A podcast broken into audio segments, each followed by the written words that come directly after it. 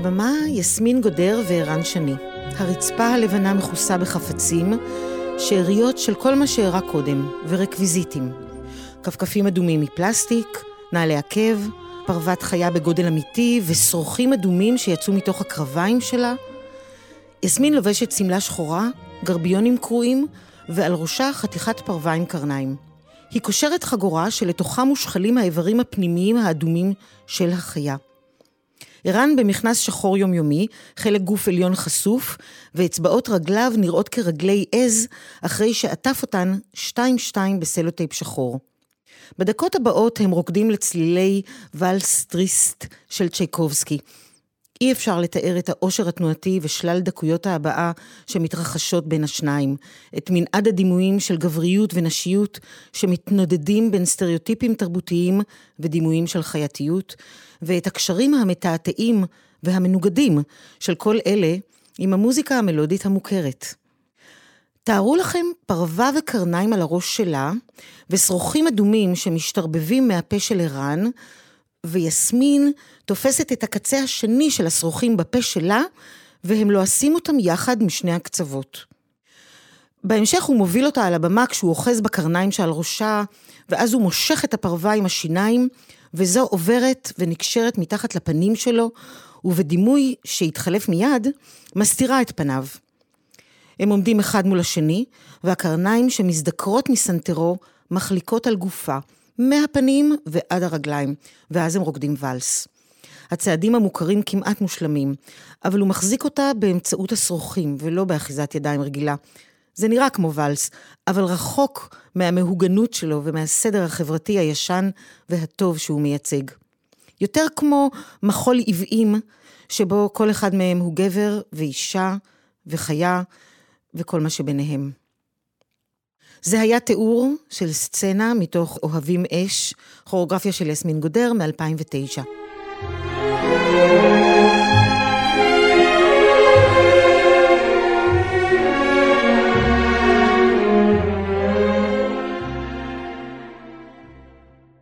בפרק הזה אנחנו מדברות על יוצרות מחול עכשוויות שעוסקות בנשיות ובגוף הנשי. עבודות של יסמין גודר, מירב דגן ורוני חדש, נועזות, אמיצות, מישירות מבט אל מה שהיה טאבו. נדבר על מחול ומגדר בראייה היסטורית. ובהקשר של תיאוריות פמיניסטיות וגוף.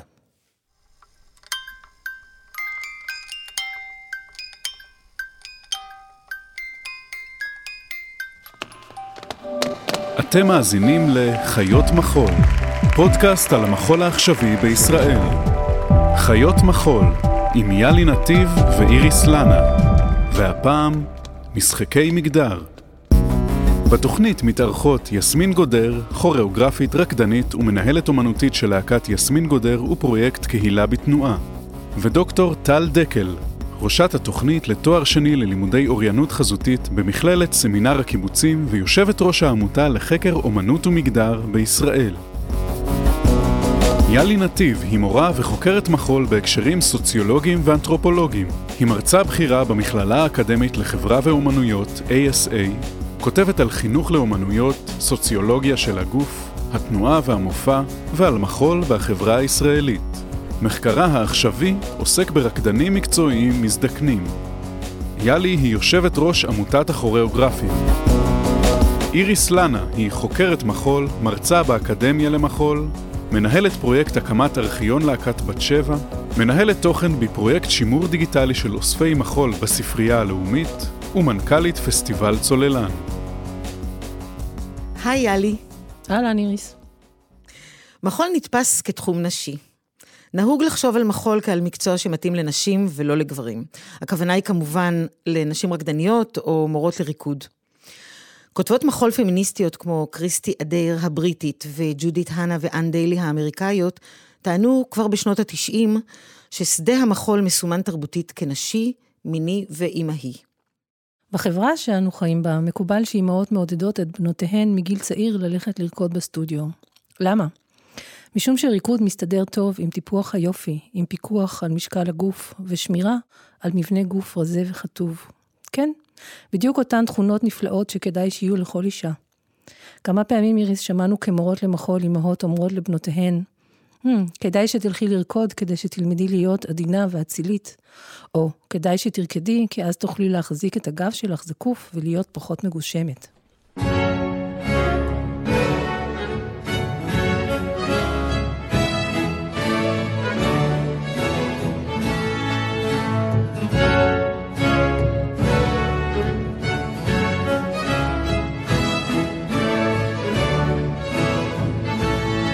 בראייה היסטורית, המחול הבימתי המערבי נוצר במאה ה-17 בחצר המלך בצרפת, כתוצר מובהק של מעמד האצולה. במאה ה-18, בתקופה בה החל לפרוח הבלט הרומנטי בצרפת, ובמאה שלאחר מכן, בבלט הקיסרי ברוסיה, הבלרינה היא המרכז, גיבורת הסיפור ומרכז הבמה. היא הכוכבת שכולם באים לראות. זה עידן שבו נוצרת דמות הרקדנית, הפרימה בלרינה כיצור על טבעי, תמיד צעירה. נערה תמימה, כלילה ואוורירית, מרפרפת בבורי על נעלי הפוינט. הדימוי הזה הופך לדימוי המשמעותי ביותר של עולם הבלט, הקנוני והמוסדי, ולמשאת נפשן של ילדות ונערות רבות עד ימינו. הדימוי הזה מתגלגל למאה ה-20 ומתעדכן על ידי ג'ורג' בלנשין בלהקת הניו יורק סיטי באלה. הוא מתגבש כדימוי הדומיננטי של בלרינה דקיקה, המייצג גם היום את הגוף הדרוש לרקדנית הקלאסית, וגם לא קלאסית. שינוי גדול מתרחש בעשורים הראשונים של המאה ה-20. נשים מהמעמד הבינוני בארצות הברית ובאירופה, כמו איזדורה דנקן, רוצט דניס ולואי פולר, נוסעות ומופיעות ברחבי העולם באופן עצמאי. זה קורה במקביל להתפתחות התנועה הסופרג'יסטית, שפעלה למען זכות ההצבעה לנשים מסוף המאה ה-19. בעוד שעד אז כל היוצרים, כוריאוגרפים, מוזיקאים, מורים ומנהלים, היו גברים, הן יוצרות את הריקודים שלהן, מבצעות אותם, ובוחרות איפה ואיך להציג אותם. מהלכים אלה נתפסו על ידן כפעולות של שחרור הגוף מכבלי הדיכוי החברתי שהוא היה נתון בו לאורך מאות שנים, בתוך הבלט ומחוצה לו. הן השילו מעצמן את פריטי הלבוש האיקוניים של הבלט, המכוחים, הטוטו ונעלי האצבע, הפוינט, כמו גם את רפרטואר התנועות המקודד והמקביל של הבלט, ורקדו בשמלות אווריריות, לעתים מעל גוף עירום, והרשו לעצמן להרחיב את גבולות גופן לתנועות גדולות וחופשיות.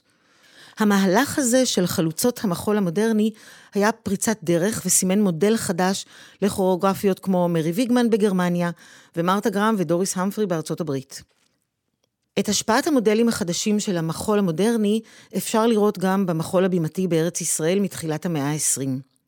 זה מחול עצמאי של נשים, מורות כוריאוגרפיות רקדניות, שמגיעות ברובן הגדול ממחול ההבעה בגרמניה ובאוסטריה, ופועלות במסגרות קטנות. ביניהם שמות נשכחים כמו מרגלית אורנשטיין, לאה ברגשטיין, תהילה רסלר, גרטרוד קראוס, אלזה דובלון, פאולה פדני, קטיה מיכאלי, דבורה ברטונוב, רינה ניקובה, ולנטינה ארכיפובה שלימדה בלט וירדנה כהן. ועוד. נשים אלו הצליחו ליצור לעצמן מרחבים עצמאיים של יצירה ועבודת חינוך בעלות נפח משמעותי, ואפשר לטעון שבתוך מגבלות השדה הממוגדר התאפשר להן חופש וכוח פעולה, אולי דווקא משום שעבודתן נעשתה במסגרות קטנות, אוטונומיות ולא מוסדיות.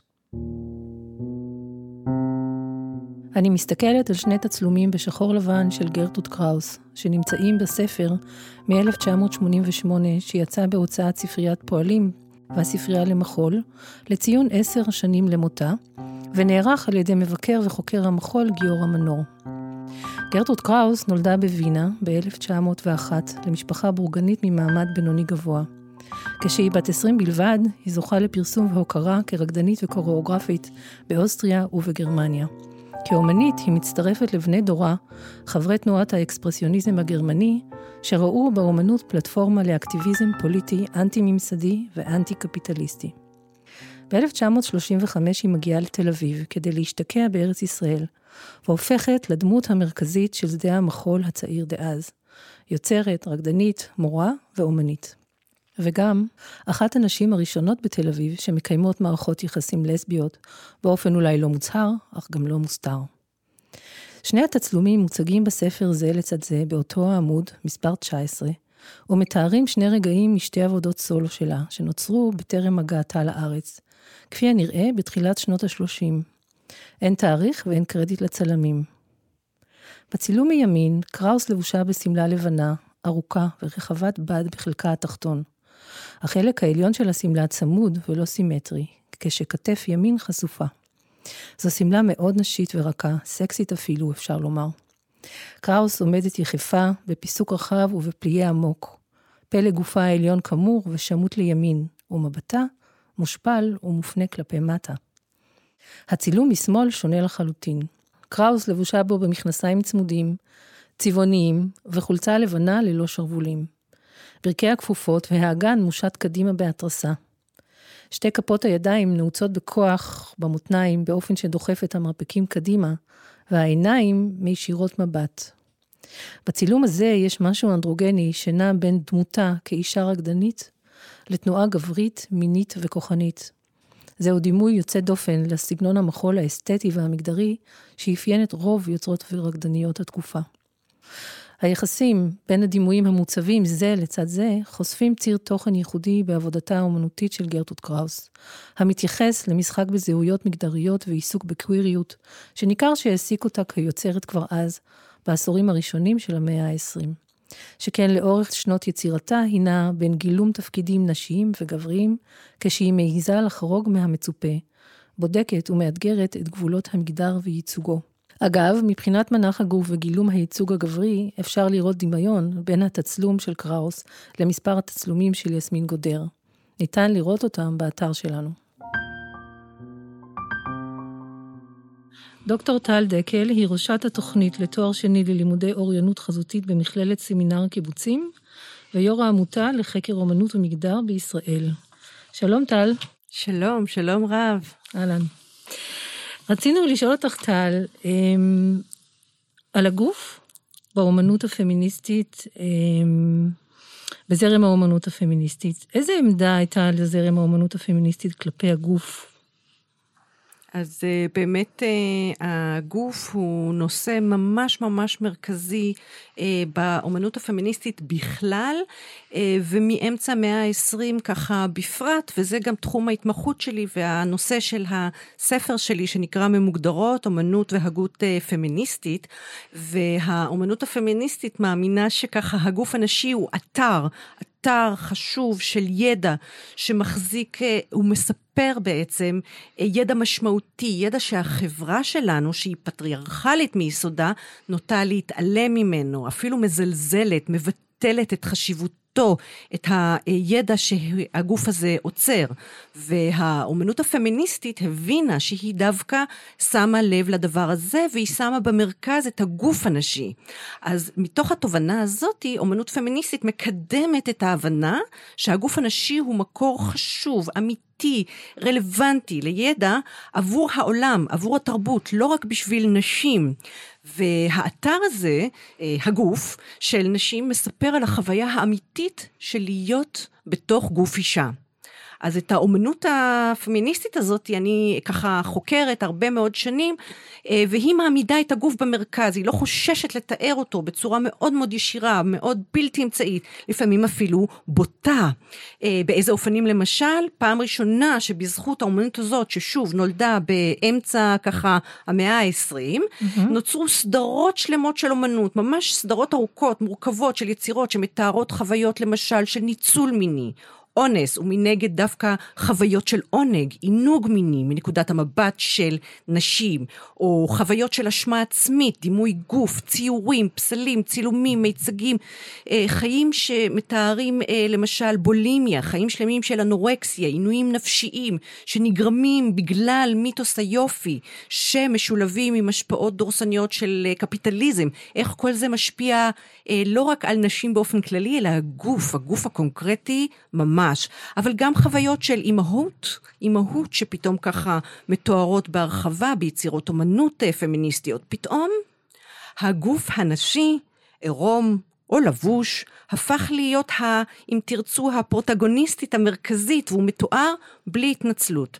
אבל, וזאת הנקודה המרכזית ככה שאני רוצה להדגיש, לא מנקודת מבט כמו שבעבר, נקודת מבט גברית, מציצנית, זאת אומרת מבחוץ, אלא על ידי האישה עצמה, בבחינת אף אחד לא יגיד עבורי איך זה להיות אישה, אני עצמי אמסור את הידע הזה שעצור בי. בעבודה אנה וגנה של הכוריאוגרפית ענת דניאלי בשיתוף עם עומר עוזיאל משנת 2016, גבר ואישה מציעים יחד להתבונן בנשיות, בפיזיות של הבשר, הדם, המחזור והלידה. התפאורה והתלבושות הצבעוניות ממקמות אותנו בטבע, טבע קדום, צבעוני ושמח. תנועת שני הגופים על הבמה יוצרת מבנים המתהווים על המישור האופקי של הבמה, קרוב לרצפה. לנגד עינינו, רצפת אולם המופעים הופכת לאדמה, והגופים המעורבבים המאוזנים יוצרים תחושה של קמאיות, של לפני היות תרבות. המבנים האלה, הנוצרים מצירוף של שני הגופים, שלו ושלה, הם צורות סגורות, סימטריות. לעתים אנו רואים שני גופים, ולעתים רואים את הצורה, לפעמים רואים את הפרפורמרים, ענת ועומר. הצורות הסימטריות מתכתבות ישירות עם ציורי הווגינות של ג'ודי שיקגו, במיצב הפמיניסטי אולי הידוע מכולם, אה, מסיבת ארוחת הערב, דינר פארטי, מהשנים 1974 עד 79. בנוסף לציר ההתייחסות לאמנות הפמיניסטית של שנות ה-70, ענת ועומר משתמשים בכתיבה פמיניסטית, ובין השאר בטקסט מתוך שיר המחזור של אומנית הספוקן וורד דומיניק קריסטינה, ודרכה הם מתריסים על היחס של העולם למחזור הנשי ולגוף הנשי, ואולי להיבט הגופני הזנוח של כולנו, ויחד הם מדמיינים שותפות של גברים ונשים בקרבה למקור הבשרי. ביקשנו מרן בראון, חוקר מחול עצמאי, מבקר המחול של עיתון הארץ וראש מגמת מחול בתיכון לאומנויות על שם תלמה ילין, לתת לנו סקירה קצרה על מחול עכשווי ומגדר. קודם כל, אני חושב שהנושא הזה של אה, מחול ומגדר הוא אה, נושא מאוד מעניין אה, להתבונן בו במה שבדרך כלל נהוג לומר על מחול שהוא מאחר, אחרי האומנויות אחרות, אחרי תיאוריות, ובמקרה הזה אני חושב שהמחול דווקא מקדים אותם. זה מעניין להסתכל על זה שתיאוריות על מגדר, לפחות אלה שכיום מקובל להתייחס אליהם כבון טון, התיאוריות הבסיסיות שלומדים בחוג למגדר, אה, כמו התיאוריות של באטלר אה, על פרפורמנס אה, של מגדר, או התיאוריות של קונל על mm-hmm. גבריות, הן תיאוריות שדווקא מגיעות אחרי שיוצרי מחול אה, בינלאומיים מתייחסים לנושא הזה של מגדר. אולי הם לא מנסחים את זה באותם אה, מינוחים אה, מקצועיים, תיאורטיים, שחוקרות מגדר אה, אה, עושות, אבל הם בעצם מתבוננים באותן תופעות. אני אהיה יותר ספציפי, אה, זה מעניין להסתכל על זה שהספר של באטלר, Gender Trouble, יוצא mm-hmm. ב-1990.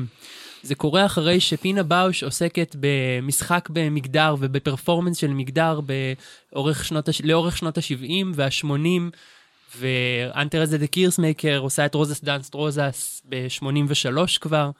אה, ושם המקום של מגדר וחזרה על מגדר וחזרה על פעולות הוא עיקרון מרכזי בעבודה.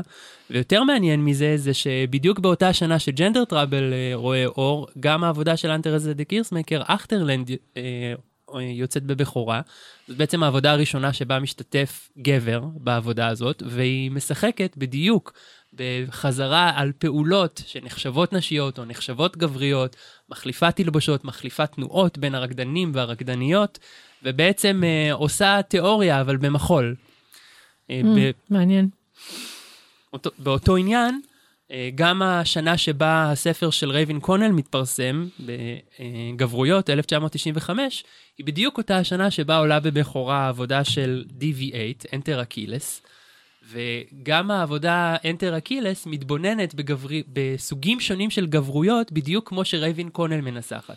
באופן די מדהים, לויד ניוסון מתבונן בגברים, הם כחלק מההכנה שלהם לעבודה, הם יוצאים למחקר שדה, הם מסתכלים על האופן שבו קבוצות של גברים אה, נוהגים אה, כשהם לבד, כשהם ביחד, בפאבים, במועדוני אה, אה, חשפנות, בחנויות מין, במרחב הציבורי, וחוזרים עם זה לסטודיו ועובדים עם זה. והוא מייצר אינטראקציות שונות בין הגברים שמשתתפים בעבודה, כשלמעשה אלה בדיוק אותן אינטראקציות שרווין קונל מנסחת בספר גבריות, וקובעת שגבריות היא אה, לא תופעה אחת, אלא בעצם משחק בין קבוצות. ומה קורה במחול הישראלי? אני חושב שהסוגיה של אה, מגדר במחול ישראלי נמצאת שם תמיד, כמו שהיא נמצאת תמיד בכל אה, יצירות מחול. זה, זה מין לא מודע פוליטי כזה, ש, mm-hmm. שקיים תמיד בגבריות ובנשיות, כיוון שאלה חלקים בלתי נפרדים מהזהות שלנו, וכשאנחנו מתבוננים ביצירות מחול, אנחנו תמיד יכולים להסתכל עליהם דרך העדשה הזאת. אני חושב שאנחנו רואים תופעה שבשנים האחרונות יוצרי מחול צעירים עוסקים בנושא של מגדר באופן מפורש ולא באופן משתמע. לא רק מתוך הבחירה שלהם בקבוצה של רקדנים גברים או קבוצה של רקדניות נשים, אלא עוסקים באופן מפורש בייצוגים של גבריות ונשיות, בשאלות על המהות של ההגדרות האלה.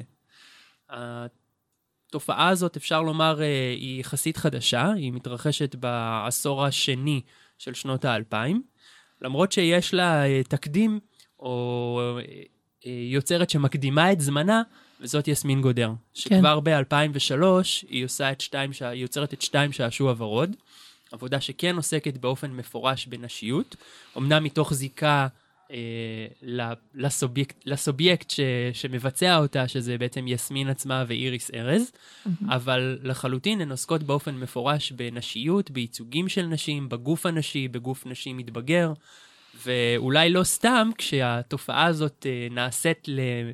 ל לתופעה באמת, למשהו שאפשר להגדיר כתופעה, כי אנחנו רואים יותר ויותר יוצרים שעושים את זה, דווקא אז היא מחדשת את העבודה עשר שנים אחר כך, כן. ואז היא מצטרפת אל שאר העבודות שעוסקות בזה.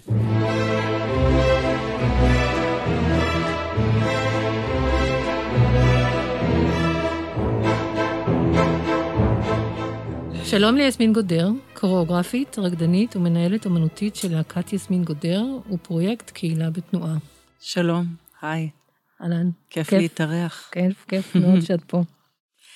אה, יסמין, ספרי לנו קצת על איך התייחסת למגדר ביצירות אוהבים אש ושתיים שעשוע ורוד.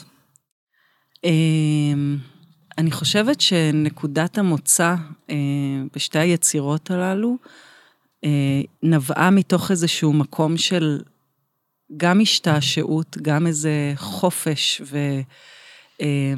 אמ, משחקיות שקשורה ב, בכל הנושא הזה של מגדר, מצד אחד. מצד שני, אמ, מבט על הדרך שבה אנחנו מאמצים את הזהות המגדרית שלנו, אמ, ובמודע ולא במודע. זאת אומרת, לוקחים את, ה, את, ה, את הנראות שלה, משחקים עם הפיזיות שלה, אה, לפעמים כמשהו שהוא...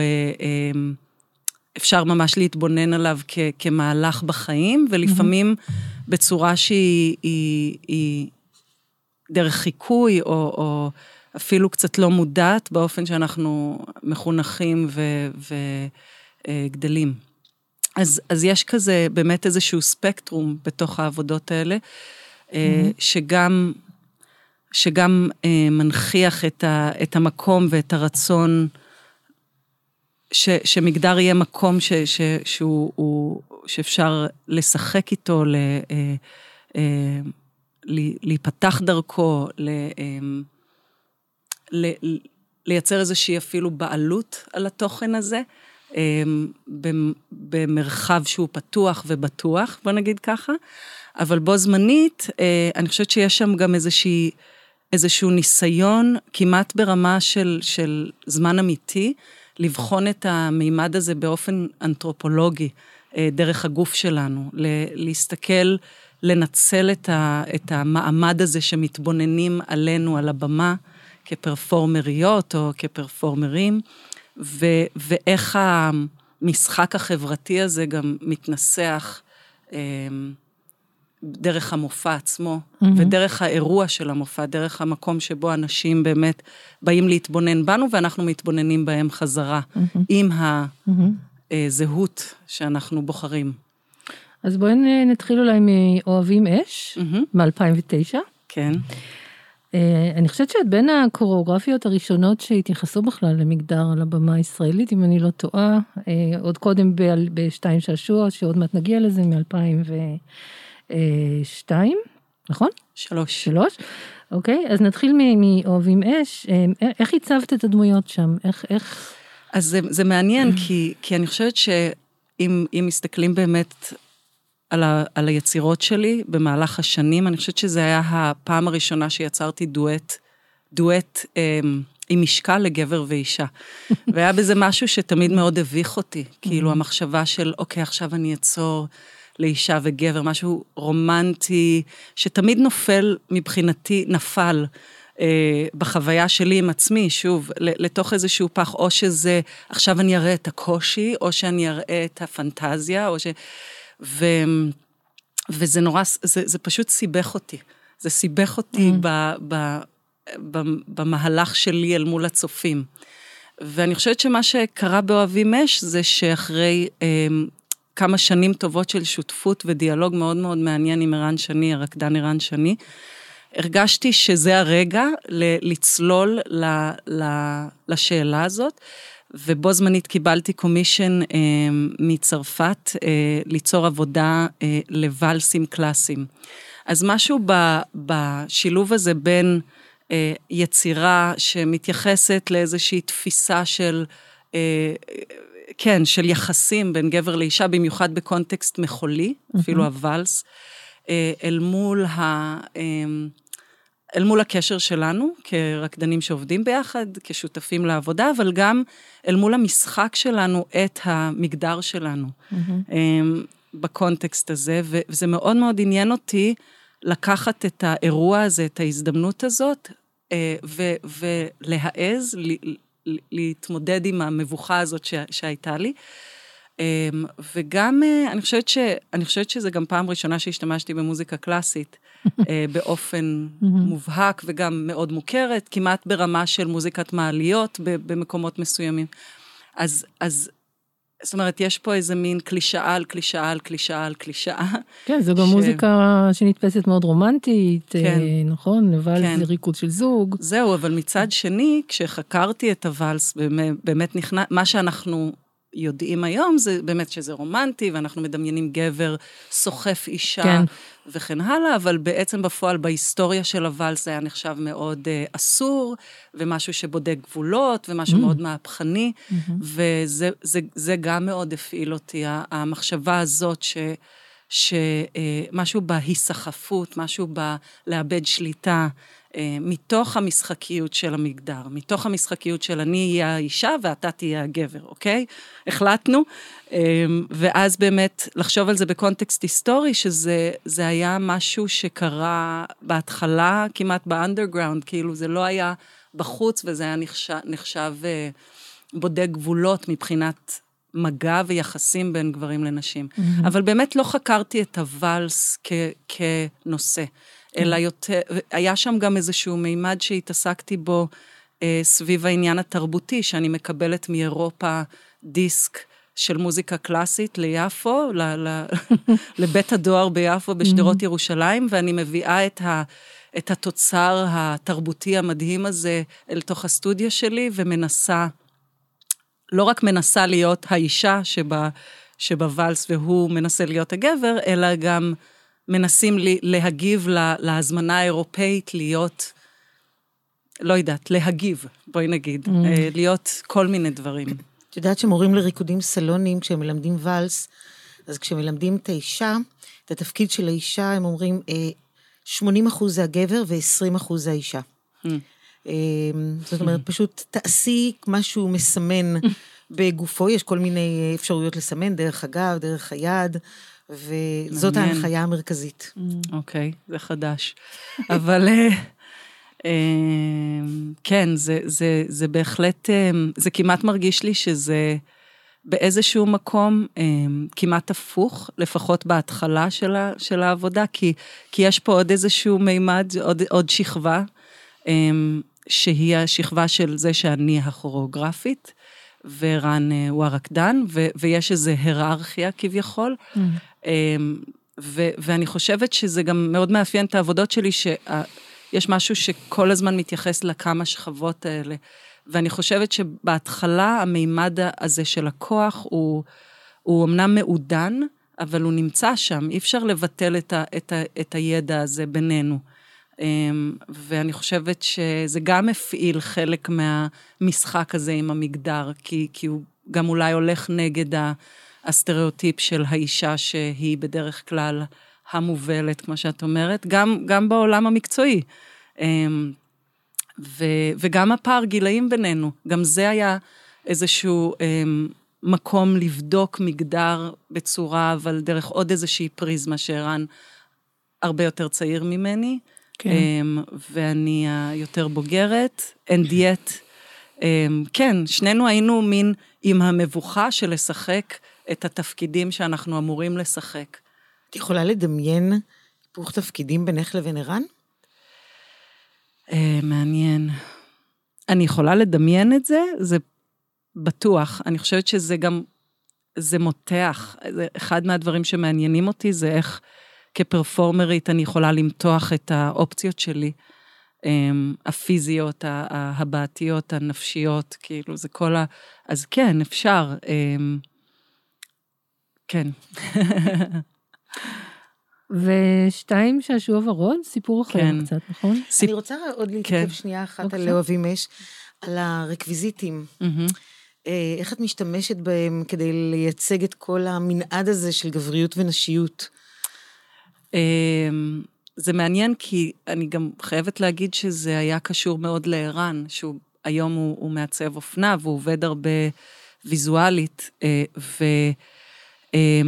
וכשידעתי שתהיה חיה, וכשידענו שיהיו איברים פנימיים, אז התחלנו לאסוף אובייקטים, אמ, ואני לא יודעת, אני, אני, אני, אני חושבת שגם שם יש איזשהו חופש אולי ביחס למה דבר מבטא, או איך, אה, איך כל דבר אה, יכול להיראות כמו הרבה דברים אחרים, ואולי בהקשר הזה זה, זה יכול להיות קשור למגדר, כמו שרשרת אה, נוצצת של, שאדומה, להיות כמו קרביים, או שנופלים, או, או כמו חתיכות גוף, ו...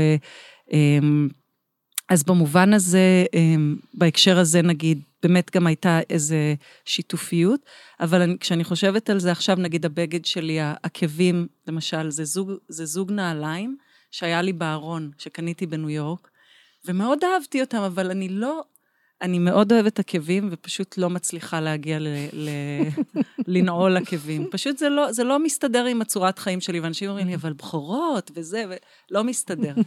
אז, אה, אז בקיצור, היו לי אותם, ו, וזה כאילו הבמה מאפשרת לי את המקום הזה. הבמה, הבאתי את הנעליים האלה גם כמקום, כ, כמשהו רקוויזית, נקרא לזה ככה, שאני רוצה לעבוד איתו, זה צד שלי אולי שאני רוצה לשחק איתו. אמ, הגרביונים, הקריאה של הגרביונים, אני כבר לא זוכרת את ההתגלגלות של זה, אבל, אבל זה קשור אולי קצת גם לפאנק ול, ולהיסטוריה שלי בפאנק, שבכלל גרביון היה תמיד קרוע, ותמיד זה חלק מהאסתטיקה. והשמלה, אגב, זה שמלה של אימא שלי, מהאייטיז, שהיא לבשה לבר מצווה של אח שלי. ו- וזה כאילו, היא תמיד, וזה כן, זה קשור, זה קשור באיזשהו מקום לדברים שאני אוספת איתי לאיזושהי ביוגרפיה. ו, ואחר כך גם שחזרנו אותה, ואחר כך גם שולי הופיעה, השמלה הזאת, אבל, אבל זה באמת דברים שלפעמים הם מפעילים אצלי משהו, שאני אפילו לא יכולה לשים עליהם את האצבע, אבל אני מופעלת וזה מדליק אותי, ואני פשוט מביאה אותם לסטודיו. וחלק מהדברים האלה נעלמים בדרך וחלק נשארים. ואין ספק שהנשיות הזאת היא גם קשורה לזה, להיסטוריה האישית שלי, לאימא שלי, ל... Mm. כן. יש שם סיכות, יש שם פרווה, יש שם... אה, כן, הפרווה... כפכפים. נכון, הפרווה, הכפכפים זה, זה מעניין, כי זה, זה יפו בשבילי, כאילו הכפכפים האדומות, זה... זה כאילו, זה, זה, זה קשור לי ל, אוקיי, עכשיו אני, ארק, אני ארקוד לוואלס הזה עם, עם כפכפים מפלסטיק. זה, ה, זה הדרך שלי להגיב. אתם רוצים, רציתם ואלס, נכון, באירופה? אז אני אביא את הוואלס שלי. אמ, ו, וגם... ואלס יפואי. ואלס יפואי אה, עצוב, כי זה ואלס טריסט. Mm-hmm. ו... אמ, ובאמת הכפכפים הם, הם, הם שוב, הם חלק מה... זה, זה לא שהם פשוט הכפכפים שהיו לי. אמ, את יודעת שאת פתחת טרנד עם הכפכפים האלה. לגמרי. כל פעם שאני רואה כאלה, אני אומרת, אה, יסמין. ממש. כן. אז uh, מסתבר, מסתבר, אני גם ראיתי אותם יותר אחר כך, אבל, um, כן. אבל באמת הפרוות, זה בא מה... שוב, המבט הזה של בחום, ללבוש את ה... לענוד את הפרוות האלה, שגם הן מייצגות את הציד, הציד כאיזה משהו מאוד גברי, מאוד... Uh, גם האלימות שבזה, um, וה... משחק תפקידים, שוב, הצייד, הכוחני, שצריך לפרק את החיה. אה, האישה הגלמרס הזאת, היא נכון. האישה עם הפרווה, נכון. של יודעת, שנות החמישים. ממש, יושב דימוי על דימוי. ממש דימוי על דימוי, כן. והקרניים, אה, ובעצם, אה, כן, זה כזה המון דיטיילס, כי למשל הקרניים, הכובע הוא סרוג, hand, hand סרוג. זאת אומרת, מישהי סרגה את זה ביד, ויש שם המון דברים כאלה. בכלל הרקוויזיטים שלי, באופן כללי, יש לי איזה עניין שזה אף פעם לא נוח, זה אף פעם לא קל לתפעול, זה לא על סקוטשים. וזה חלק מהעניין, שיש התמודדות אמיתית על הבמה לעשות את זה. כאילו, באמת, זה גם משהו באוהבים משהו כל כך, יכולנו לפתור את זה בצורות יותר פשוטות. לא באמת לתפור לו את הפרווה, לא כן. באמת לקשור לעצמי את הדברים, לא באמת לקרוא את הגרביונים, אולי הם קצת חתוכים. ויש משהו שאותי מאוד מעניין ב... ב- לגרום לזה, להתמודד עם זה בזמן אמיתי מול הקהל. זה כן, זה מכניס לחץ, אבל זה גם, זה כנראה שיש בזה thrill מבחינתי, שהוא מדליק אותי, הוא מאמת אותי עם הרגע הזה שאני צריכה להתמודד מול אנשים. גם הכובע הזה, על לקשור את הצמר, כן? זה שוב, זה לא איזה מין דבר כמו באופרה שמתיישב בול על, ה... על הראש ולא נופל, ואז איך את מוודא שאת קושרת את זה טוב. ו... כן, ואנשים שאוהבים את ההתעסקות, וערן הוא גם, הוא מאוד אוהב התעסקות עם חומר, אז היה לנו את, ה, את השותפות ואת החיבור הזה. Mm. אמ, שזה גם, אולי גם צריך לדבר על זה סביב אמ, מגדר, כי, כי כן נפגשנו בהמון מקומות, גם, גם גילאית, אנחנו במקומות שונים, גם ההיסטוריה האישית שלנו, וכן נפגשנו דרך, בעבודה הזאת, דרך תכנים אה, משותפים, שגם אפשר לטעון שהם מגדריים, הם, הם שוברים אה, אה, גבולות אה, של מגדר, כאילו כן. בר- ברמה המסורתית כמובן. העבודות האלה משנות אותך? כן, ממש. זה כאילו מס, מסעות של חיים שלחלוטין אה, אה, משנים את איך שאני מתבוננת על דברים, על מה שמעניין אותי, על מה שתהיה העבודה הבאה שלי. ממש צלילה לתוך, אה, לתוך תוכן מסוים, ש, שאחר כך משפיע על ההתבוננות שלי. אה, ואיך שאני תופסת את עצמי, ומה שאני מעיזה ולא מעיזה. ו... את יכולה לכתוב ספר, את יודעת. את יודעת, אה, כן. לגמרי. כן. אני גם חייבת להגיד שאני נורא אוהבת ריקוד, אבל אני אף פעם לא רוצה לרקוד. Mm. אבל את אוהבים אש, אני רוצה לרקוד. כן? כן. איזה כיף. איזה כיף לשמוע את זה. זה נורא משמח אותי. אני רוצה להגיד גם בהקשר הזה של הומור, כי דיברת על זה Mhm. מקודם, שבאמת כאילו, כביכול העבודות שלי נחשבות רציניות, או לפעמים קשות לאנשים, או, או יש סבל, יש אמ, מורכבות אנושית, ו... אבל בו זמנית אני, אני מרגישה וחושבת שבמהות יש, יש לי הרבה את העניין הזה של ההומור, ושוב, אני חוזרת לשאלה הראשונה של השעשוע, של המשחקיות, שאם לא היה את ההומור הזה, ואני מאוד שמחה תמיד שרואים את זה, ש, שאפשר לראות. יש כמה עבודות, כאילו אפשר, אני יכולה ממש לספור אותן אה, על יד אחת, שאולי המימד הזה הוא לא בפרונט. אה, יכול להיות שזה יכול לצאת באיזה רגע, אבל כמעט בכל העבודות יש את המשחקיות הזאת. מהמם. אפילו ילדותיות באיזשהו מקום, את האפשרות עדיין להשתעשע עם התוכן הזה מהמם. של, ה, של המגדר, בוא נגיד, שהוא עוד לא אוקיי. כל אחד צריך לתפקד uh, כמו שצריך. או אפילו להשתעשע עם נשיות במובן הזה בשביל עצמי. כאילו, שוב, הנ- הנעלי עקב מייצגות את זה, לשחק את האישה שבי, לשחק את האישה שנהנית אה, ללכת על עקבים ולשיר. אגב, יש שם עוד איזה מימד שבחיים לא שרתי, תמיד רציתי. פחדתי ואילצתי את עצמי, אז כל פעם אני, אני נותנת לעצמי מין אתגרים, אז זה היה אחד האילוצים שם, זה לשיר על הבמה. מדברת עכשיו, אני ככה חושבת שזה לא רק מגדר, את בעצם עוסקת בזהות. כן. זה רחב. כן, נכון. כן. אז אם מדברים על להשתעשע, בואי נדבר כן. על אה, שתיים, שעשוע ורוד. ה-DNA הכוריאוגרפי של שתיים שעשוע ורוד משנת 2003, כוריאוגרפיה יסמין גודר, ביצוע יסמין גודר ואיריס ארז. דואט של שתי נשים, sisterhood, גוף ונשיות, משחקיות, מבט מישיר אל הקהל.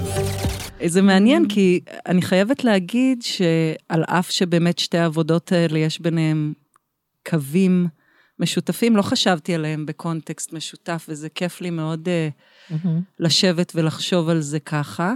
שגם פה יש איזושהי שותפות עם uh, רקדנית ש, שהייתה ועדיין מאוד משמעותית ב, בתהליכים שלי, איריס ארז, כן. וקשר uh, מאוד חזק שגם אפשר איזשהו, uh, לתוכן הזה לצאת החוצה ו, ו, ולהעמיק בו, וגם uh, באמת, זה, זה, העבודה התחילה אחרי כמה שנים של...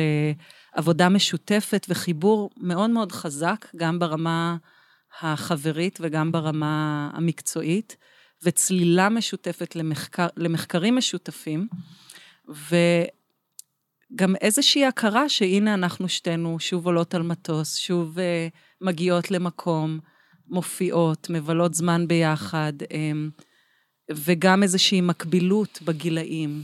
דווקא אל מול, mm-hmm. נגיד, ערן וזה, אז, אז אני ואיריס בגילאים יותר קרובים. ובאותו זמן היינו שתינו בנות סביב שנות ה-30 אה, לחיינו. ובאמת רציתי להתעסק באופן מאוד ישיר בדבר הזה, של הנה, שתי רקדניות עולות על הבמה, על הקשר בינינו, על הזהות המגדרית שלנו אל מול הקהל, אל מול העולם, על החוויות הגופניות אה, שלנו, בהסתובבות שלנו ברחוב.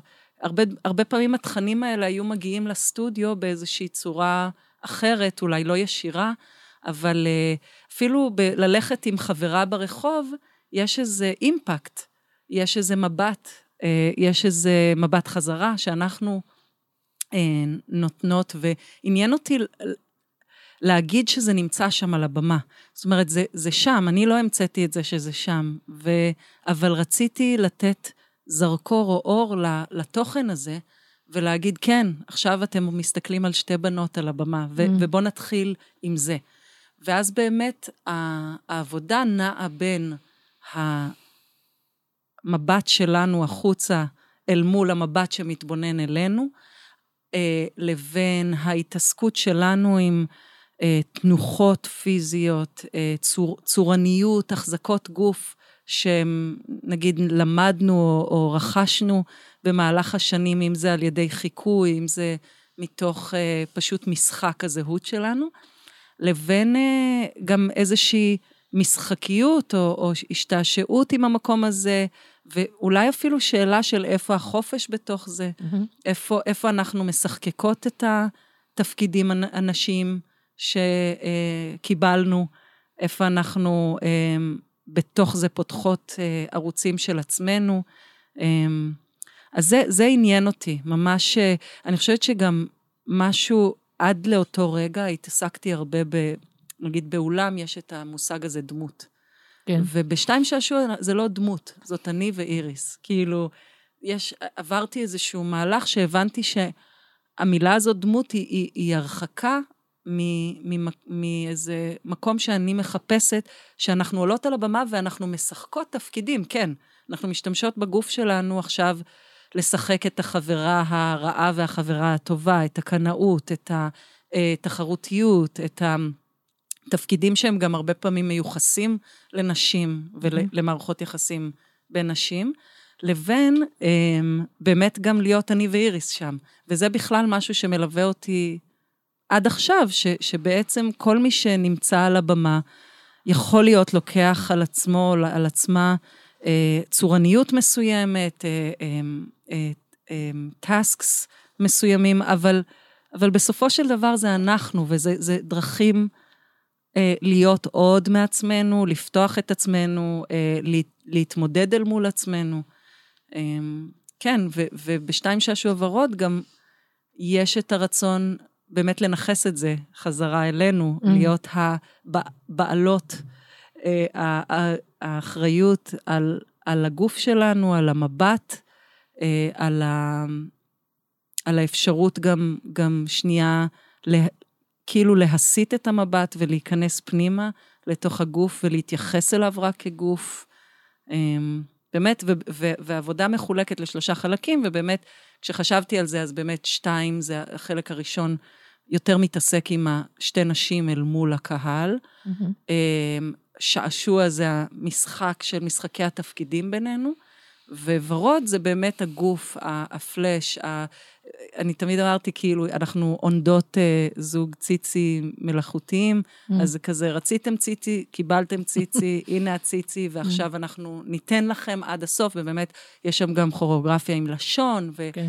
וזה באמת מתעסק יותר ב... עכשיו אנחנו נהיה הגוף הזה, אה, ו- ו- ו- וניתן אותו, ניתן אותו עד הסוף, אבל בתוך זה גם, בסופו של דבר, יש איזה מין היבלעות פנימית. אה, אה, אל תוך עצמנו, כאילו, ואל תוך ה... אפילו, אפילו קצת לי, לאבד את הזהות שלנו, אחת בתוך השנייה, או, או כבר להיות רק הגוף, האיברים האלה, mm-hmm. ש, שהם רק נראים, רק הרגל, היד, הציצי, החזה, השיער. אנחנו חוזרות אל טל דקל. טל, אני אשמח אם תוכלי לדבר על המושג הזה של המבט. מאיפה הוא מתחיל ומי מנסח אותו. הנושא של המבט, או שאנחנו קוראים לו The Gaze, הוא נושא טעון גם תיאורטית, גם מעשית, יש לו באמת השלכות על תחומי האומנות השונים, כי אנחנו מדברים על הגוף ועל הנראות שלו במרחב, וגם יחסי מבט בין, ה, בין אם זה המחוללות והמחוללים, או האומנים והאומניות, ובין הקהלים אה, שמביטים בהם, אבל אנחנו חושבים במובן הרחב יותר. יותר של התארגנות יחסי כוח בחברה בכללותה.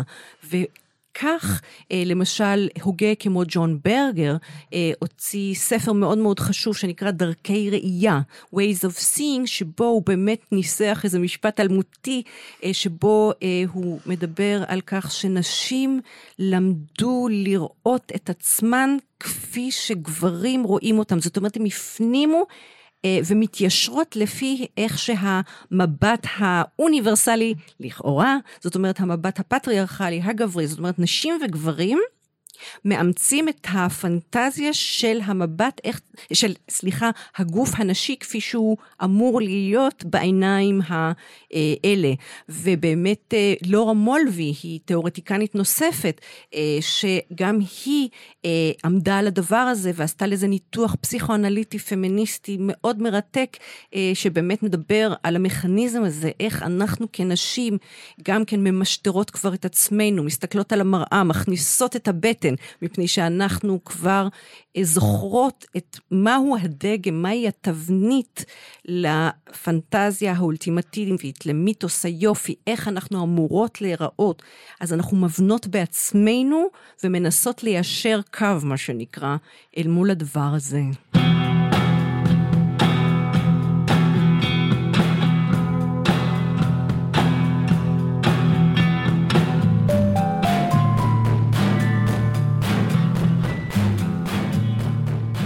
בשתיים שעשוע ורוד את נכנסת לתוך אה, איזושהי מסורת של אומנות שאת מתייחסת אליה באופן מודע?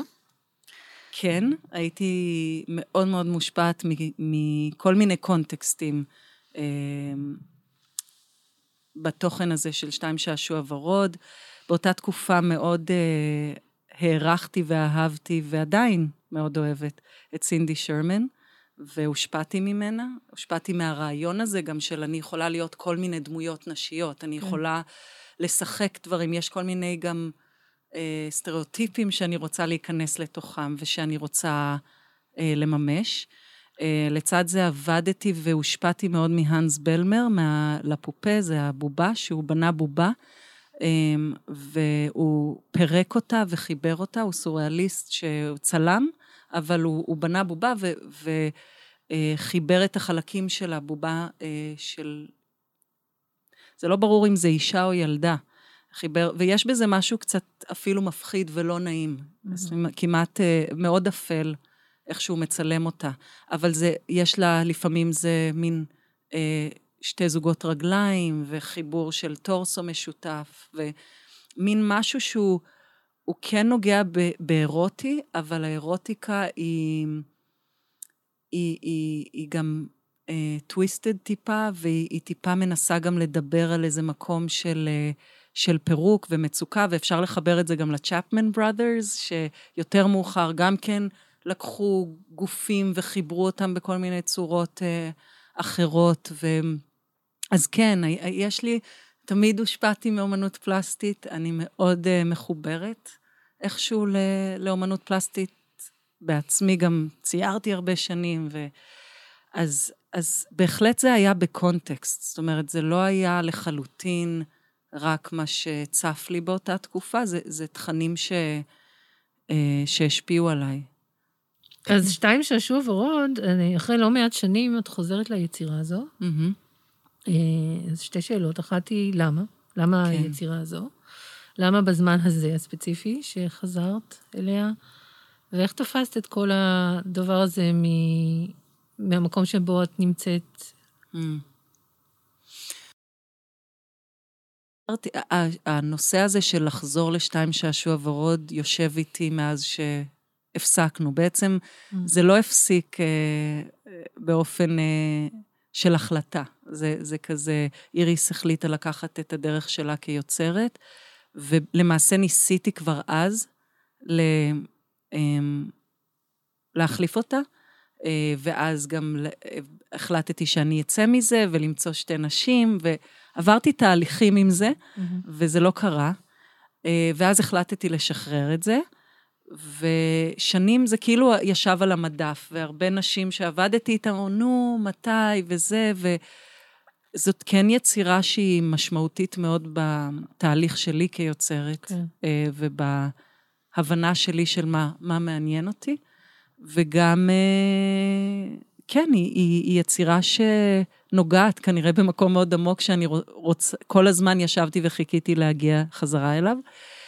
אמ, ובאמת אה, עם דור פרנק ופרנצ'סקה פוסקריני, היה איזה רגע כזה של שתי נשים, אה, שאני עובדת איתן אה, באופן קבוע, שהרגשתי שגם יכולות להתמסר לתהליך הזה. בתהל... בניסיון שלי לעשות את זה אה, לפני כן, אני חושבת שהיה משהו שכמעט הייתי קרובה לזה מדי. זה כאילו היה כמו איזה extension שלי, כמו איזה אה, תינוק שהוא עוד במנסה, mm-hmm. וקשה לשחרר. Mm-hmm. אז במובן הזה ש, שזה היה כל כך ספציפי ל... לה... לתהליכים שעברתי עם איריס, גם בסטודיו וגם בחברות בינינו, שזה פשוט הרגיש לי כמו אה, רצף של תנועות. אה, כשצפיתי, ולא שעבדתי עם נשים מדהימות ו- ו- ורקדניות מופלאות, אבל באמת יש, היה שם איזה חיבור ש, שהיה חלק מה, מהתהליך הזה. העבודה השתנתה? לא, לא השתנתה בכלל. Mm-hmm.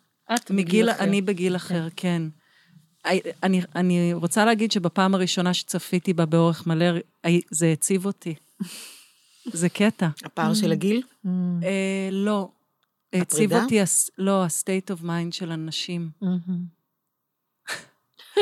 זה מעניין. Okay. זאת אומרת, אני לא יודעת, אני את יודעת לשים את האצבע, אבל לא, לא הזמן שעבר, לא, לך... לא ממקום נוסטלגי, לא ממקום של אוי, כאילו, מה היינו ומה אני עכשיו... הייתי צעירה וכל זה, לא. לא, לא, ממש לא. גם כאילו, יש לך בת. אה, נכון, בדיוק. פתאום הבנתי, זה, זה פשוט פתאום נגע בי במקום של וואו, כאילו... זה... עצוב לנו. אה, זהו, שאת יודעת, אני גם לא רוצה להגיד את זה, כי אני לא מרגישה שעצוב לי, אבל להתבונן על זה, זה הצליח לגעת באיזה מקום של מאמץ, של איזה מין ניסיון לפתור. לפתור איזה משהו כל כך מורכב, וכמעט להאחז בציפורניים, עמוק. כן.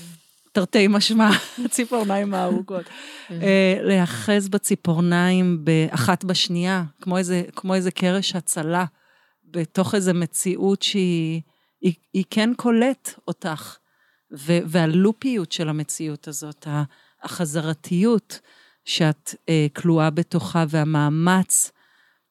אני חושבת שיש בעבודה, אה, שזה מעניין, זה מין מין מקבילות כזאת, גם, לא רק, אבל גם היא, היא באותה תקופה היא נחשבה מאוד נועזת, כאילו אנחנו מאוד נועזים, נועזות, אנחנו מאוד בוטות, כן. באיך שאנחנו מתייחסות, אבל אני גם ראיתי בזה, בתוך כל הבוטות וה, והנועזות הזאת, גם את הרצון למצוא חן.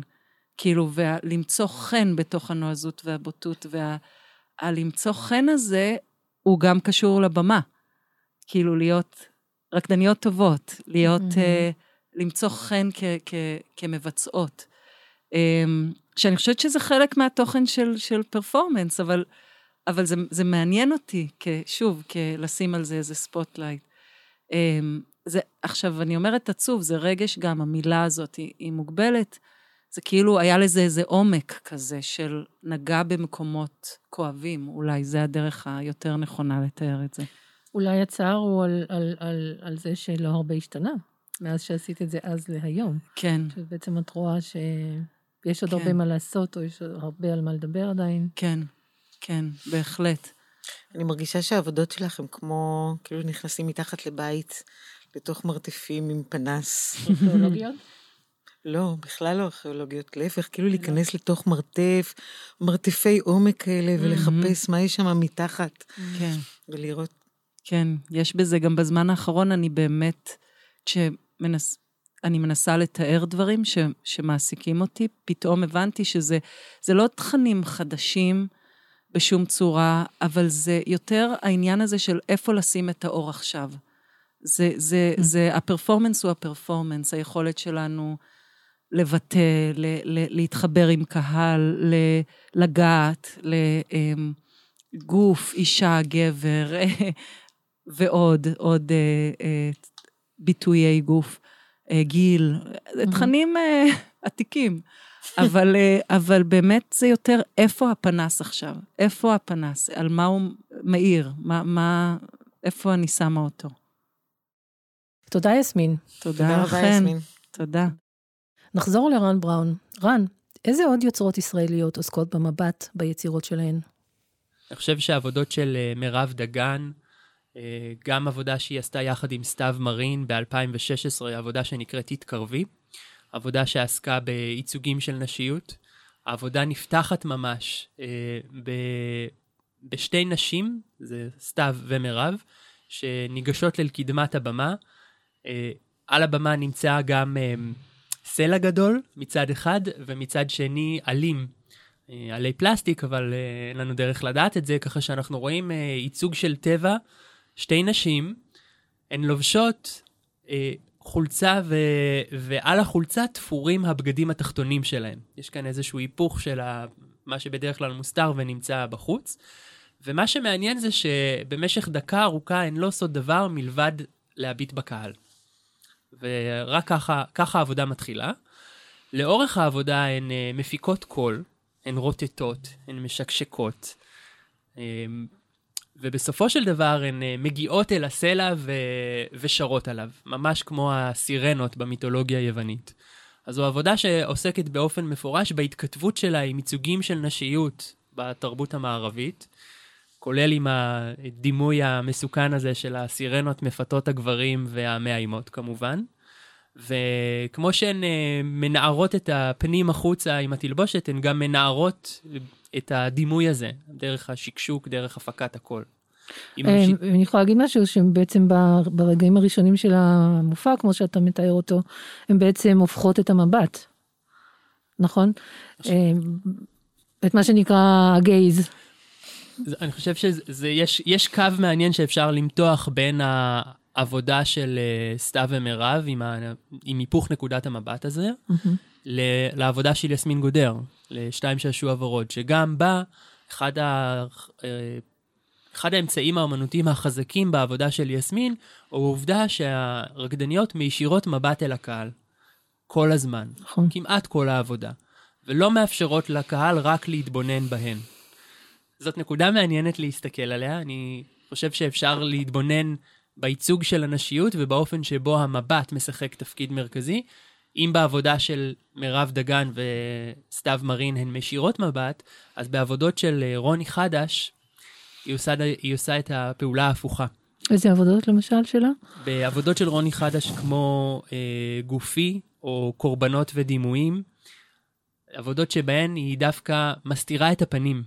היא מעלימה את הפנים שלה, היא מכריחה את mm. הצופה לקחת חלק, להיות שותף לפעולה הזו, שמעלימה את הסובייקט, שמתבוננת אך ורק בגוף.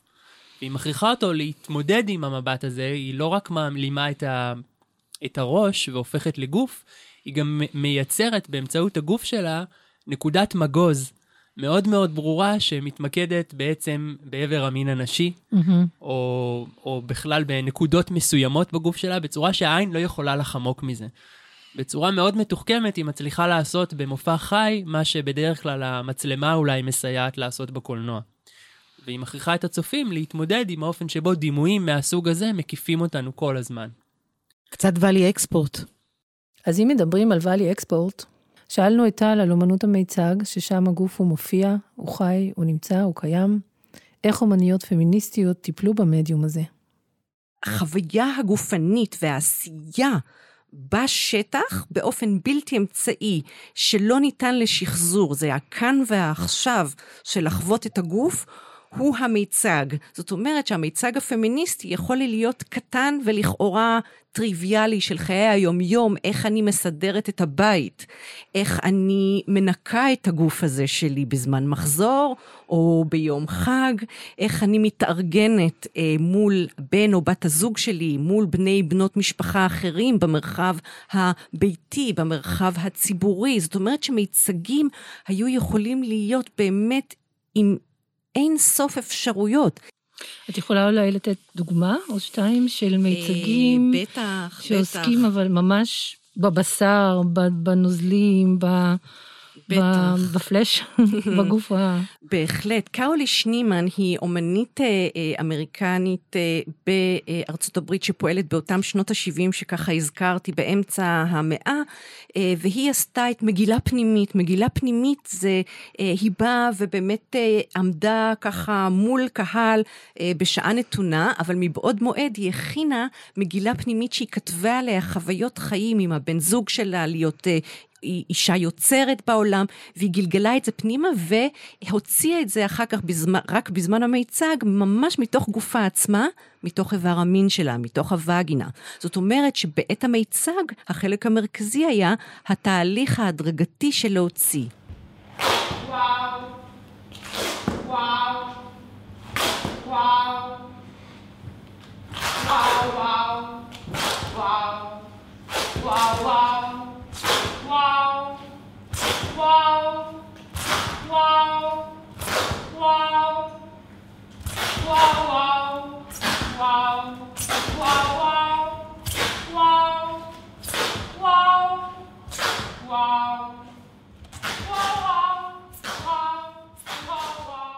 שמענו את מירב דגן בקטע מתוך בלאדי מרי, שזה קוקטייל על בסיס מיץ עגבניות, אבל נשים משתמשות אה, במילה הזאת כדי לדבר על וסת. דגן משתמשת כאן בכפל משמעות. בלאדי זה דם, ומרי הם כל הנשים הטהורות. בעברית העבודה הזאת נקראת מחורבנת, בשיבוש דיבורי. מחורבנת זה סלנג לפי המילון. שובשה, הופרעה, נדפקה. כשהיינו צעירות, איריס, השתמשנו במילה הזו, מילה נוראית. זה מה שלמדנו מאימא, חברות ונשים אחרות, להשתמש בה כדי לא לומר וסת. היינו מחוברתות להסתיר את זה. המשמעויות שעומדות מאחורי המילה הזאת הן כבירות. מחורבנת זה חורבן, חרבון, חרבון, וגם זמן שבו לפי היהדות האישה נמצאת בנידה, למעשה מנודה, אסורה למגע, וצריכה לטהר את עצמה כל פעם מחדש. יש פה גם אמירה קשה על הגוף הנשי שיש בו פוטנציאל קבוע לסכנה, כישלון והחמצה של הייעוד של האישה, כלומר פוריות. ה-DNA הכוריאוגרפי של מחורבנת, משנת 2018, כוריאוגרפיה וביצוע מירב דגן. עיסוק בווסת, סולו בבגדי ספורט, עבודת קול, ספירה רפיטטיבית של ימי מחזור מ-1 עד 28, שימוש ברקוויזיטים אדומים. שמונה, תשע, עשר, אחת עשרה, שתים עשרה, שלוש עשרה, ארבע עשרה, חמש עשרה, שש עשרה, שבע עשרה, שמונה עשרה, תשע עשרה, עשרים, עשרים ואחת, עשרים ושתיים, עשרים ושלוש, עשרים וארבע, עשרים וחמש, עשרים ושש, עשרים ושבע, עשרים ושמונה. אז אפשר לחזור לעבודה של uh, מירב דגן, שבה היא מתכתבת באמת עם uh, אומניות uh, מיצג ונשיות, mm-hmm. Uh, כאלה שנשים שעוסקות באומנות נשית ועוסקות ספציפית גם במחזור, בעבודה בשם בלאדי מרי, עבודה שעלתה בפסטיבל צוללן ב-2018, ובעבודה הזאת מירב בעצם עוסקת במחזור הנשי, אבל, וזאת נקודה שאני חושב שהיא מרכזית לעיסוק החדש.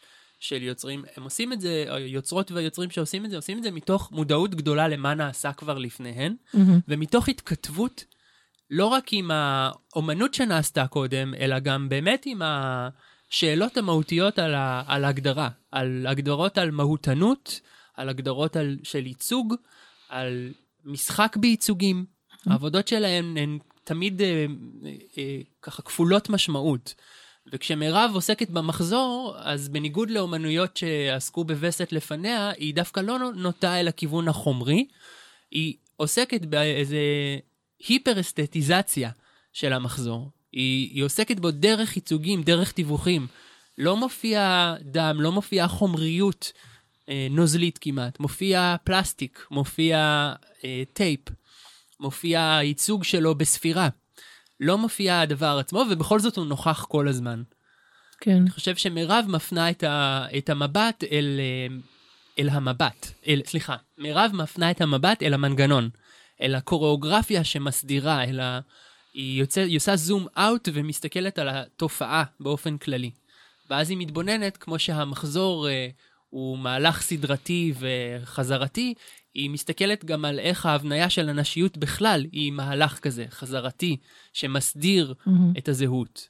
היא עושה את זה למשל דרך העובדה שהיא, מבק... שהיא משתמשת גם כן בקול, והיא חוזרת שוב ושוב על מילים באופנים שונים, כמו ללמד אותנו שהחזרה הזאת על נשיות היא תהליך נרכש, היא תהליך שאנחנו לומדים אותו. והיא תהליך שכל הזמן חוזרים עליו, החל משירי ילדים שהיא משתמשת בהם, ועד למאמרים אה, שהם אינפורמטיביים, כמו ערכים על נשיות באנציקלופדיה. Mm. לגמרי ברור שהיא מכירה את אה, וגינה סקרול של אה, קרולי שנימן. אם אנחנו מדברים על, ה, על המודעות התרבותית ועל ההיסטורית וההיסטורית של היוצרים החדשים.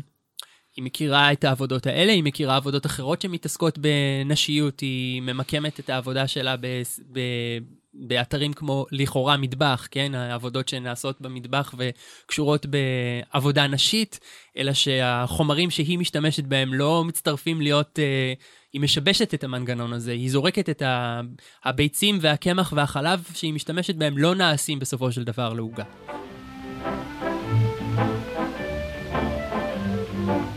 Heart and soul. I fell in love with you, heart and. כשג'ודית באטלר אומרת, אנשים הם לא רק גוף, אלא באופן מהותי הם עושים את גופם, היא מתכוונת לאופן בו נשים וגברים לומדים מילדות להפעיל באופן רפטטיבי את הנורמות המגדריות בגופם, או לקיימן לאורך חייהם. הדרך להתנגד לתהליך הזה, וזה מה שיוצרות המחול עושות, היא לשחק עם המופע של המגדר, לערער ולפרק אותו, אם בדרך של שעשוע או באופן המקצין את הנורמטיבי ומוציא אותו לאור, מעניק לו נראות, קול, פעולה ומקום. דיברנו עם ועל יוצרות מחול ישראליות המציגות עבודות נועזות, ואומרות שמותר וכדאי לדבר על הגוף שלנו, הנוזל, הנזיל והלא אידיאלי. יוצרות אלה סוללות דרך לנשים הצעירות שבאות אחריהן, ותוך כדי כך מרחיבות את המחול למחוזות שמכילים את מה שמעסיק אותנו, בני אדם, באמת.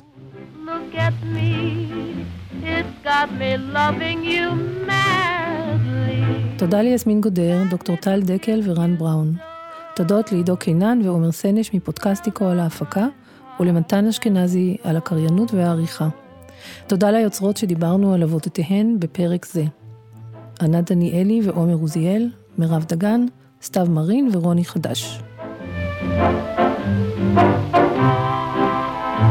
הפודקאסט הוא חלק מפלטפורמת השיח "תיץ, מחול ומחשבה", והופק בשיתוף עם המחלקה לדיפלומטיה תרבותית במשרד החוץ, ובתמיכת עמותת הכוריאוגרפים ומשרד התרבות והספורט. מוזיקה על פי סדר הופעת הקטעים Valse Triste, אופוס 51, מספר 6, מאת צ'ייקובסקי. ביצוע יוזף סקונוב ותזמורת הפסטיבל של לונדון. מתוך האלבום Phase 4 Stereo Spectacular משנת 2015, Decca Music Group. Le Bourgeois gentilhomme מאת ז'אן בטיסט לולי, Le Concert des Nations, ז'ורדי סבאל מתוך האלבום La Musique de Temps de Marais, משנת 1992. ואלס Masquerade מאת ארם חצ'טוריאן, מתוך האלבום Ballet Suites, מספרטקוס עד Masquerade, התזמורת הסימפונית של לונדון בניצוח סטנלי בלק משנת 2015, Decca Music Group. Lonely House, סצנת הרחוב, 1946, קורט וייל, ליווי פסנתר, הוא עלה ליוטיוב על ידי קריסטינה פפר ב-13 בפברואר 2019. Arrow Arrow מאת אגלו הולו, שנת 2019. Heart and Soul, באה ויין, 1939. קטע מתוך מחורבנת, 2018, ביצוע מירב דגן, הקלטה ממופע חי.